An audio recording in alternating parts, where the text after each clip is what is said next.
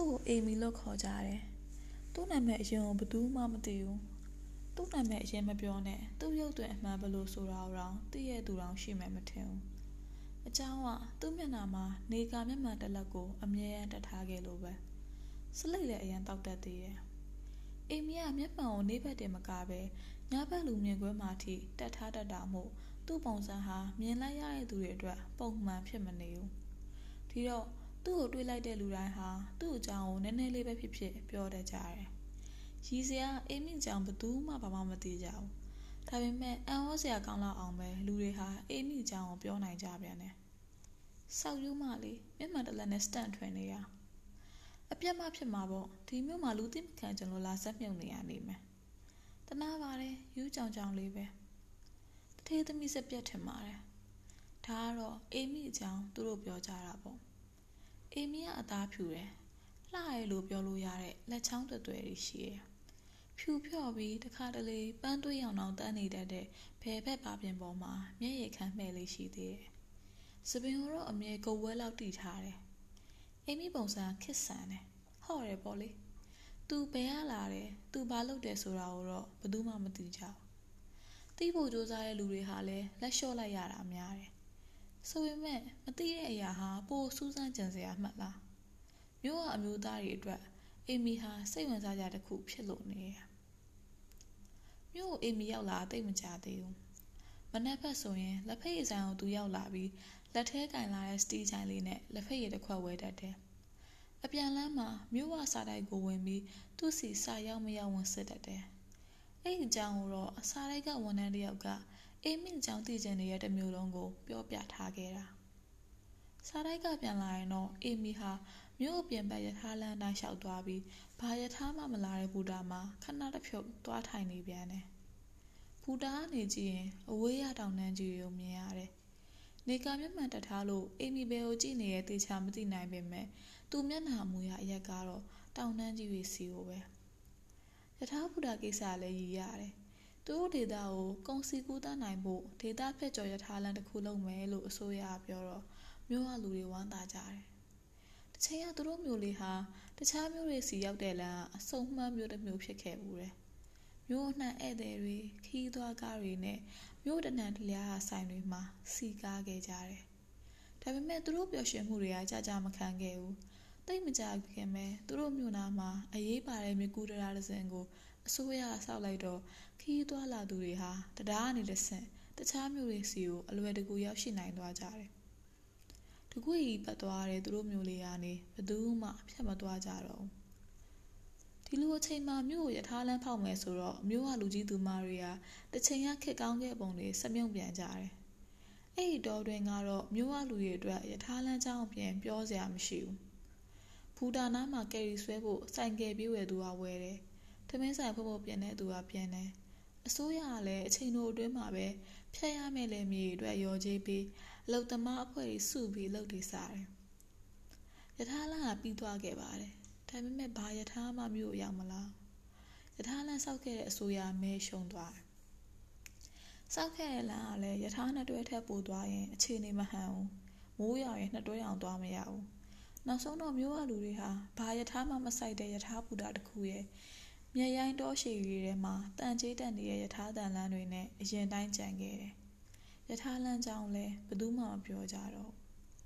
ဒီလိုမျိုးဒီလိုလူတွေကြားမှာအေမီဟာယထာလန်ကိစ္စပြီးရဲ့နောက်ပထမဆုံးလူစိတ်ဝင်စားကြကိစ္စတစ်ခုဖြစ်လာခဲ့ပါတယ်။ဘူတာနေပြန်ပြီဆိုရင်တော့အေမီဟာစားအုပ်ဆိုင်ဝင်ပြီးသူဖက်ချင်တာတွေတပွေးတစ်ပိုက်ငှားသွားတတ်တယ်။ဘာလုံးမလုပ်တာလဲမတွေ့ရအောင်။ဘာချက်စားရဲဆိုတာလည်းမသိရအောင်။ တခါတလေတော့ညဘက်မှနေကာမျက်မှန်နဲ့အိမ်ပြင်ထွက်လာပြီးတရုတ်စာလေးပါလေးထွက်ဝယ်စားတတ်တယ်။မလို့အပ်ဘက်ပါစကားမှလည်းမပြောဘူး။ဘာပဲဖြစ်ဖြစ်အိမ်မီကိုမျိုးဝလူတွေပုံဖော်ကြတာကတော့နေကာမျက်မှန်တလက်နဲ့တခုခုကိုရှောင်ပုံးနေတဲ့ယူးကြောင်ကြောင်ဒါမှမဟုတ်လဲလှတာပါတာမိမတယောက်ပေါ့မိမပြက်တယောက်လည်းဖြစ်နိုင်တယ်တထေးသမီးတယောက်လည်းဖြစ်နိုင်တယ်အိမ်မီကတော့အဲ့အကြောင်းတွေကိုပြန်ကြားမကြမသိဘူး သိပေမဲ့အိမ်မီပုံစံအတိုင်းဘာမှမတုံ့ပြန်တာလည်းဖြစ်နိုင်တာပဲဒါပေမဲ့တခုတော့မနက်မှာတော့အိမ်မီအိမ်ထဲကထွက်လာတာကိုဘယ်သူမှမတွေ့ရတော့ဘူးညအချိန်မတော်ကားတစ်စီးရောက်လာပြီးလာခေါ်သွားတယ်လည်းပြောကြတယ်အထုပ်တထုပ်နဲ့တယောက်တည်းကားဆောင်နေရမြင်ခဲ့တယ်လို့လည်းပြောတဲ့သူရှိရဲ့။အေမီနဲ့ပတ်သက်တဲ့အကြောင်းအရာတွေဟာမတိချာမရေရတဲ့ကောလာဟာလာတွေသာဖြစ်တာမို့ဘယ်တစ်ခုအမှန်ဆိုတာမတိကြရပြန်ဘူး။ဘာပဲဖြစ်ဖြစ်မြို့ကနေအေမီ ပျောက်သွားခဲ့တယ်။လူတွေရဲ့အသက်ကနှလုံးသားလို့တချို့ကပြောကြလိမ့်မယ်။ကျမအတွက်ကတော့လူတွေရဲ့အသက်ကမျက်လုံးပဲ။အဲ့ဒါကိုဖုံးလိုက်တာနဲ့သူ့အကြောင်းကိုရှင်ဘာမှမသိနိုင်တော့ဘူး။သူတို့ဘယ်ကိုကြည့်နေလဲရှင်မသိနိုင်ဘူး။သူတို့ဘာတွေတွေးနေလဲရှင်မသိနိုင်ဘူး။မျက်လုံးတွေသူတို့ကဘယ်တော့မှမလင်ကြဘူးလေမျက်လုံးတွေရဲ့အရေးပါမှုကိုအမြင်အာရုံမရှိတော့မှသိမယ်ဆိုတာမျိုးလဲကျမပြောချင်တာမဟုတ် အဲ့ဒီထက်ကိုကျမအတွက်အရေးပါသေးတယ်တကယ်တော့မျက်လုံးတွေကခံစားချက်ပဲမျက်လုံးတွေကအတန်ပဲမျက်လုံးတွေကစကားပြောတတ်တယ်ရှည်တတ်တယ်ငိုတတ်တယ်နှခိုင်းကြီးပဲပြောရုံနဲ့အပြုံးဖြစ်မလာဘူးဆိုတာရှင်သတိထားမိလားမျက်လုံးတွေပါပြုံးနေမှာအပြုံးတစ်ခုကအသက်ဝင်တာလူတယောက်နဲ့တယောက်ဆုံတွေ့ကြတဲ့အခါစပြီးဆက်သွဲကြတာလဲမျက်လုံးတွေနဲ့ပဲလူတယောက်ဘာဖြစ်နေရဲဆိုတာကို မျက်လုံးတွေကိုကြည့်ပြီးအကြမ်းပြင်းအဖြစ်ခံမှန်းလို့ရမယ်ထင်တယ်။ဘာစကားမှမပြောပဲ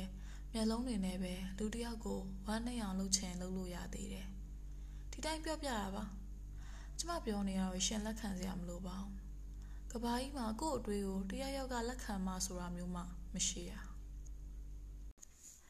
တရက်တော့မြို့ကိုလူတယောက်ရောက်လာပြီးကားဂိတ်မှာလူပြောက်ကြော်ညာတွေလိုက်ကတ်သွားတယ်။ ကားဂိတ်ကထမင်းဆောင်ဝင်ပြီးဆိုင်ရှင်နဲ့လည်းစကားစမြည်ပြောသွားတယ်။အဓိကကတော့ကြော်ညာတွေကအမျိုးသမီးကိုတွေ့ရင်ဆက်သွယ်ပေးဖို့ပေါ့။အမျိုးသမီးအကြောင်းကိုလည်းတီးမိခောက်မိရှိအောင်ပြောပြသွားသေးရပေါ့။လူပြောက်ကြော်ညာတွေကအမျိုးသမီးရဲ့နာမည်ကဝေးတဲ့။အဲ့ဒါစိမ့်သူပြပြသွားတဲ့ဝေးအကြောင်းကလည်းတနာစရာနှမျောတသားဖြစ်စရာရင်ပူစရာပါပဲဝေးတဲ့ စပင်ရှိဖဖရွေနဲ့ဝေးငငယ်ကလေးကဘိုင်းကောင်းကြောက်ဖိပြမျိုးမှန်မထင်နေတတ်တဲ့ဝေးတိတ်လှတဲ့ဝေးအဲ့ဒီတိတ်လှတဲ့ဝေးဟာတရက်တော့သူ့အိမ်ကနေအပီးတိုင်းပြဆုံးသွားခဲ့တယ်ပိုဆိုးတာကဝေးအမျိုးသားဟာတကိုယ်လုံးဓာတ်တန်ရအပြည့်နဲ့ဝေးထွက်သွားတဲ့အိမ်မှာတေဆုံးနေခဲ့တာပဲဒါပေမဲ့ဝေဟာဘဝတစ်လျှောက်လုံးဒလိထုံနှံတွေနဲ့အညီ ရင်ကျေးသိမ်မွေးစွာနေထိုင်ခဲ့ပြီးအိမ်အောင်ရှင်မကောင်တယောက်လည်းဖြစ်ပြန်တာမို့ဝေအမျိုးသားတည်တဲ့ကိစ္စမှာဝေကိုဘသူမှတရက်ခံဖြစ်မမြင်ခဲ့ကြဘူးရာဇဝဲမှုထုံးစံအရာတန်တရားတရခံစင်းကိုထည့်ထားတာရှိပေမဲ့အတိုင်းဝိုင်းတစ်ခုလုံးကဝေပြောက်သွားခြင်းဟာတယောက်ယောက်ကရန်ပြုတ်ပြီးအကျန်းဖက်ခေါ်သွားလို့ပဲလို့ထင်ကြတယ်စိတ်ပူကြတယ်အိမ်ပေါ်မှာတွေးဆွနေတဲ့ဝိအင်ကြီးလည်းကြံနေခဲ့တယ်။ ဝိအမျိုးသားကလည်းဝိကိုချစ်လွန်းလို့မရရအောင်ယူခဲ့သူမို့အခုလိုဖြစ်တော့ဖြစ်သွားတဲ့အခါအလုံးဝတနာကြတယ်။ဝေတယောက်ရောအသက်ရှင်လျက်ရှိသေးရဲ့လားမြစ်တာပို့ကြတယ်။ဝေကတော့လုံးဝပေါ်မလာခဲ့ဘူး။ဝိမိသားစုဟာဝေအတွက်စွန့်သွပွဲကလေးကိုတိတ်ဆိတ်ညှိုးငယ်စွာနဲ့ပြုလုပ်ခဲ့ကြတယ်အတိုင်းဝိုင်းတစ်ခုလုံးယုံကြည်တာကတော့မနက်6နာရီထပြီးစုံလောင်းတတ်တဲ့ဝေ ယုံကလေးတွေမွေးထားပြီးစကားပြောနေတတ်တဲ့ဝေစပယ်ပန်းဖြူဖြူတွေကိုမျက်မျက်နှုံနှုံပန်တတ်တဲ့ဝေလူကြီးသူမတွေကိုတိတတ်တဲ့ဝေဟာဘာအကြောင်းနဲ့မှလူသက်သမားမဟုတ်ဘူးဆိုတာကိုပဲဝေအကြောင်းကိုကြားတဲ့အခါထမင်းဆိုင်ပိုင်ရှင်ဟာအေးမီကိုတတိရတယ်ဒါပေမဲ့ဘာမှမပြောဖြစ်ဘူးဝေးပုံစံနဲ့ခတ်ဟော့အေမီနဲ့ကဘာမှမပတ်သက်တာခဏနေတော့ဟိုလူပြန်သွားတယ် လူပြောက်ကြော်ညာတွေပဲကားဂိတ်မှာခြံခဲ့တယ်လူတယောက်ကောင်းတယ်ဆိုရဲဆိုတာကိုဘလို့လူတွေကဝါပြီးအမှတ်ပေးကြသလဲအဲ့ဒီလူတွေကိုဘသူတွေကပြန်ပြီးအမှတ်ပေးထားကြသလဲဆိုတာကိုကျွန်မသိချင်မိရဲ့လူတွေကိုကြည့်လိုက်ရင်သူတို့အားလုံးကလူကောင်းတွေကြီးပဲနေရာတိုင်းမှာဘာသာတရားကိုင်းဆိုင်တဲ့သူတွေမိဘကျေးဇူးတည်တဲ့သူတွေကိုကြိုးစွန်နေရဆိုတဲ့သူတွေ ငါကတခြားသူတွေလိုမယုံပါဘူးဆိုတဲ့သူတွေကိုရှင်းတွေ့လိမ့်မယ်သူတို့အားလုံးရဲ့ပြဿနာဘာလဲသိလားသူတို့ကလူကောင်းဖြစ်ဖို့ဆိုတာကိုမိုးရပါတစိမ့်ခန့်နေထားတဲ့ထုတ်ကုန်တစ်ခုလိုမှတ်ယူလာကြတာရှင့်အနေနဲ့ငါလူကောင်းမဖြစ်ချင်ဘူးလို့လူတွေကိုပြောလို့ရှင်သူတို့ကရှင့်ကိုယွန်စရာတတော်တကောင်လိုကြည့်လိမ့်မယ်ရီရတာသူသူတို့ကိုယ်တိုင်လည်းသူတို့ကိုသူတို့ထင်နေတဲ့လောက်လူကောင်းမဟုတ်ပါဘူးမကောင်းပေမဲ့လည်းကောင်းတာမှလက်ခံတဲ့လူအဖွဲ့အစည်းကနေ ဖဲ့ခြင်းမခံရအောင်အမြဲကောင်းကြအောင်ဆောင်နေကြရတာပဲရဲရရှိရာသူ့အေးအေးနဲ့တလုံးချင်းဖြေနေတဲ့အမျိုးသမီးကိုဘာမှပြန်မပြောပဲထိုင်နာထောင်နေရဲ့အမျိုးသမီးကစကားပြောပြီးတော့တကယ်ကိုအော်ဂလီဆန်နေတဲ့ပုံနဲ့ကြမ်းမြင်ပေါ်တတွေးကိုပြစ်ခနဲထွေးထုတ်လိုက်တယ်လူပြောက်ကြော်ညာတွေကတ်ထားပြင်မဲ့မြို့ကိုလူပြောက်ကြော်ညာတွေကနဲ့တူတဲ့ဘယ်အမျိုးသမီးမှရောက်မလာပါဘူးထ မင်းဆိုင်ပိုင်ရှင်စကားလက်ဆင့်ကမ်းထားလို့ဝိအကြောင်းကိုတော့တမျိုးလုံးသိနေကြပြီရက်အတန်ကြာတော့မြို့မှာမိုးတွေတဲကြီးမဲကြီးရွာတယ်ရက်တွေဆက်ပြီးရွာတာမိုးရွာတော့ကားဂိတ်မှာကတ်ခဲ့တဲ့လူပြောက်ကြော်ညာတွေဟာမိုးရေကြောင်အယောင်မှန်ပြီးရည်ရွယ်ဆုပ်ပြဲကုန်တယ်ပျောက်ဆုံးနေတဲ့ဝေဟာလူပြောက်ကြော်ညာအနေနဲ့ပါထပ်ပြီးပျောက်ဆုံးသွားခဲ့တယ် အေမီယာလည်းမြို့ကိုဘယ်တော့မှပြန်မလာတော့ပြန်ဘူးမြို့ဝလူတွေအတွက်အေမီရောဝေရောဟာဘဟေနီတပုတ်အနေနဲ့ပဲမေးပြောက်သွားခဲ့ကြတယ်ကျမနာမည်ခင်ထားဝေပါလူတွေခေါ်ကြတာတော့ဝေပေါ့ဘလို့ဘက်ကခေါ်အရေးမကြည့်ပါဘူးအခုပြန်ကြည့်ရင်ဝေဆိုတဲ့အမျိုးသမီးဟာကျမဆိုတာကိုလက်ခံဖို့တော့မလွယ်ဘူးတခြားတယောက်ကိုမြင်နေရတယ်လို့ပဲ ကျမဖေကဦးတင်မောင်ကြီးအမေကဒေါ်ထားကြီးကျမကသူတို့အိမ်အောင်တက်နောက်ကြမှရတဲ့တူရီတော်သမီးဆိုတော့ကျမကိုသူတို့ဘလောက်ချစ်တယ်ဆိုတာပြောနေစရာတော့မလိုဒါမဲ့ရှင်သိလားချစ်တယ်ဆိုတာချစ်တိုင်းလည်းမကောင်းမချစ်တတ်ပဲချင်ကြောက်စရာကောင်းလုံးနဲ့ကျမရခဲ့တာအဲ့လိုချစ်တွေကြီးပဲကျမတက်တက်လုံးကြားခဲ့ရတာတွေရှိရယ်မိန်းကလေးပီတာဖို့ ရင်ကျေးသိမ်မွေးဖို့ဘိုင်းကောင်းကြောက်ဖိနေဖို့ကျမလည်းနေခဲ့တာပဲစကားနဲ့တယ်အိမ်တွေကြီးရယ်အဆက်ကြောက်ကြီးရယ်လူကြီးတွေစကားနားထောင်တယ်လူတွေအတွက်ဇင်းလုံးချောချစ်စရာသမီးပြိုလေးလေဘလောက်နားထောင်လို့ကောင်းလိုက်လဲကျမအနေနဲ့တယောက်ယောက်ကကျမကိုတခုခုပြောလာခဲ့ရင်အဲ့ဒီအကြောင်းအရာလက်ခံပြီးလိုက်ပါပြောဆိုဖို့လက်မခံရင်လည်းဘာမှပြန်မပြောပဲ အများဆုံးလုပ်နိုင်တာကတော့ရီပြီးငြိမ်နေတိုက်ဖို့ပါပဲဒါကိုကျမကောင်းကောင်းတမြောက်ခဲ့တယ်ကျမဟာအတိုင်းဝိုင်းအတွက်ဂုံယူရတဲ့အမျိုးသမီးတစ်ယောက်ဖြစ်ခဲ့တယ်ဒီကြားထဲကပဲကျမလုပ်ဖြစ်ခဲ့တာစာအုပ်တွေဖတ်တာပဲဒါတော့အိမ်ကမကြိုက်လို့ခိုးပြီးဖတ်ရတယ်ဘာပဲဖြစ်ဖြစ်စာအုပ်ထဲကနေကျမမသိရတွေသိရတယ်သိပေမဲ့လည်းအိမ်မှာတော့မသိတဲ့ပုံပဲနေတယ်ဘသူ့ကိုမှဘာမှပြန်မပြောတတ်ဘူး ပြောလည်းမပြောရဲဘူးအသက်20ပြည့်ရဲ့နေ့မှာတော့ကျမစီကိုလူတစ်ယောက်ရောက်လာခဲ့တယ်သူ့နာမည်ကကိုအောင်ထွန်းနဲ့သူတယောက်တည်းရောက်လာတာမဟုတ်ဘူးသူမိဘတွေနဲ့ကျမကိုလာတောင်းရန်တာအဲ့ကိစ္စတစ်ခုလုံးအဖေကဘာမှအတိမပေးထားခဲ့ဘူးကြောင်းလန်းဖို့စကားခင်းကြတော့အဖေကကျမကိုတစ်ချက်ပဲကြည့်ရယ်အဲ့အကြည့်ကိုကျမသိရယ် ကျမအမြင်နာခံခဲ့ရတဲ့အကြည့်ကျမလက်ခံရမယ့်အကြည့်ကိုအောင်ထွန်းကလည်းသူ့မိတ်ဆွေရဲ့သားအိုအန်ဟောစရာကောင်းတာအဲ့ဒီမှာကျမမှာရုတ်တရက်ရောက်လာတဲ့တက်တီတွေရှိနေတယ်ကိုအောင်ထွန်းတို့မိသားစုကျမညင်းခဲ့တယ်ကျမလက်မထပ်နိုင်ပါဘူးလို့ပြက်ပြက်သားညင်းခဲ့တာနှစ်ဖက်မိဘတွေအကုန်ကျမကြောင့်မျက်စိပြက်မျက်နှာပြက်ဖြစ်ကုန်တယ်ဟိတ်ချိန်သူတို့မျက်နှာတွေရှင်မြင်စေခြင်းတယ် ကျမပေါ်မှာတခါမှအဲ့လောက်မပြောဘူးသူတို့ဖြစ်ပြနေရတွေမြင်ရတာလေကျမအနေနဲ့ရှေ့လျှောက်လဲကိုဘွားအတွက်လူသားတစ်ယောက်လိုရွေးပြီးရှောက်မယ်လို့တက်တိဆက်မွေးနိုင်ခဲ့တယ်ဒါပေမဲ့အမျိုးသမီးကသူ့နှခမ်းကိုပြတ်ထွက်လို့မတက်ကြိုက်ထားတယ်သူ့ရဲ့အေးဆက်အသက်မဲ့တဲ့မျက်ဝန်းအိမ်ကနေမျက်ရည်တစ်ပေါက်စီးကျလာတယ် ရဲအရာရဲအရာရှိကစိတ်မသက်မသာဟန်နဲ့တရှူးတရွက်ထုတ်ပေးလိုက်တယ်အဲ့တော့သူပြောတာသူမိဘတွေကိုယ်တိုင်ကသူ့ကိုခြောက်ထဲတွန်းချခဲ့တယ်ပေါ့ဖြစ်နိုင်ပါမလားဗျာအပြစ်ပေါ်အောင်ရှောက်ပြောတာပဲဖြစ်မှာပေါ့ရဲအရာရှိနှစ်ကခေါင်းကိုခါရမ်းတယ်မှန်ကန်ထဲမှာရုပ်အလောင်းတစ်ခုလိုထိုင်နေတဲ့ဝေကိုသူကြည့်နေတယ်သူ့အိမ်ကိုလာဆိတ်ဆက်ပြီးမအောင်မြင်တဲ့နောက် နောက်တစ်ပတ်မှာသူမတရားပြုကျင့်ခံခဲ့ရတယ်သူ့အိမ်ထဲမှာပဲအဲ့အချိန်ကသူ့အဖေရောအမေရောတခြားလူတွေရောဘယ်သူမှရှိမနေဘူးတရားခန့်အောင်ထုံးပဲဒါပေမဲ့ဘာအမှုမှမဖြစ်ခဲ့ဘူးအကြောင်းကသူကအောင်ထွန်းကိုယူလိုက်ဖို့သဘောတူခဲ့တာကြောင့်ပဲမိမတယောက်ကိုလူတယောက်ကအိမ်ထိလာစော်ကားသွားတယ် အဲ့တော့မိမဘက်ကအဆက်ကွဲရမတဲ့လားကိုအောင်ထွန်းလာတောင်းပန်တော့အမေကဘာပြောလဲသိလားအဆက်တွေတိတ်ခါတွေရေဆုံမျောရတော့မယ်တဲ့အဲ့ခဏလေးမှလေကျမတို့ကလုံးကြုံဝင်သွားတော့မတက်ပျောက်ကွယ်သွားခြင်းခဲ့တယ်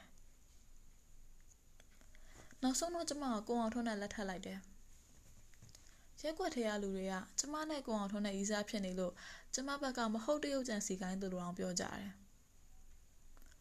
လူတွေကိုဧည့်ကြရယွန်သွားတော့တာပဲလူတွေမှာသူတို့စိတ်တိုင်းကြပြစ်ခတ်ဖို့ပါဇက်တနက်တွေအပြည့်ရှိတယ်လူတယောက်ကိုသေအောင်ပြင်နိုင်တယ်ကျမတို့ကဘာမှမထူပါဘူးကျမသေလူလေအရင်ကလိုပဲဘသူ့မှဘာမှမပြန်ပြောတော့တကယ်လည်းကြတနာယူကတနာယူပါပဲမဒိန်းချင်တာအတူပြက်ကြောင်းဘာကြောင့်ညာကြောင့်ဆိုတဲ့စင်ကြေတွေပေးနေပေမဲ့ ကျမတော်တော်တနာယူကတနာယူပဲတနာယူတွေကလူကောင်းမကြိုက်တဲ့လူအဖွဲ့အစည်းကြောင့်ဟန်ဆောင်နေကြပေမဲ့လစ်တာနဲ့တနာယူဖို့အဆင်သင့်ပဲလူသည်စိတ်ကြွယ်ရာအရက်တွင် မကောင်းမှုကိုပြုတတ်သည်ဆိုတဲ့စကားအတိုင်းပေါ့ရှင်အဲ့ထက်ဆိုတာအိမ်အောင်ကြပြီးနောက်ပိုင်းနှစ်တွေမှာလက်ပါလာတဲ့ကိစ္စအလိုမကျတဲ့အရိုက်ခံရတဲ့ကိစ္စအခုတွေးရင်အောင်နားတယ်ကျမပုံစံအတိုင်းပဲ ဘာမှပြန်မပြောပြန်မလုပ်နိုင်ခဲ့ဘူးကိုကိုကိုအသက်ရှင်နေရလို့လည်းမထင်တော့တညတော့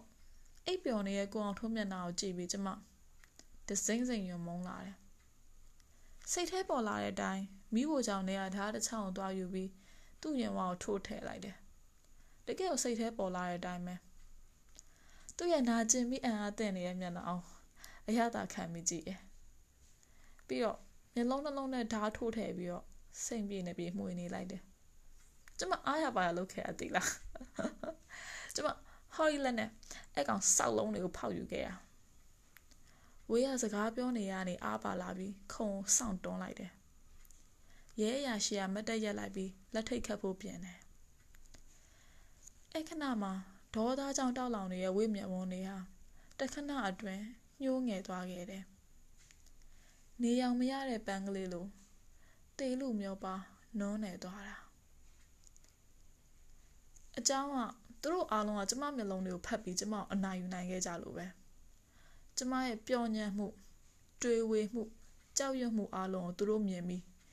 လို့တလို့အတုံးချခဲ့ကြတာရဲအရာရှိကဝေကိုလက်ထိတ်ခံနေရဲ့ဝေကတော့စကားပြောနေရင်နဲ့ခလေးတယောက်လိုတဲထန်စွာငိုကြွေးလို့နေတယ် တချိန်ကသပင်ရှည်တွေနဲ့လှခဲ့တဲ့ဝေဟာအခုတော့နတ်မှောင်နေတဲ့မြက်တွင်းနဲ့နတ်တွေနဲ့မျက်ရည်ခံမဲ့ကလေးပဲရှိတော့တယ်။စပင်ကလည်းကုတ်ဝဲအတိမှာသူ့မှာဝေးနဲ့တူတာဘာမှမရှိတော့ဒေါခင်ထားဝေခမရလူတတ်မှုနဲ့ကျွန်တော်တို့ဖမ်းလိုက်ပါပြီ။တရားစီရင်နေတော့မှရှေ့နေငှားပြီးလှုပ်ထုံးလုံနေတိုင်းခမရအတွက်လှုပ်ဆောင်နိုင်ပါတယ်။ဝေကရုပ်ရှင်တွေကလိုအတန်နေအတန်ထားနေပြောနေတဲ့အရာရှိကို စိတ်ပြက်စွာကြည့်တယ်။မငောင်းလို့မရဘူးလားကျမနောက်ဘဝရလဲအဲ့ကောင်ထက်တော့မှာပဲနောင်နာရစရာမရှိဘူးရဲရရှီယာစိတ်ပြတ်တဲ့ပုံနဲ့ခေါင်းခါရန်ပြတယ်ဝေးရစကားတစ်ခွန်းထပ်ပြောတယ်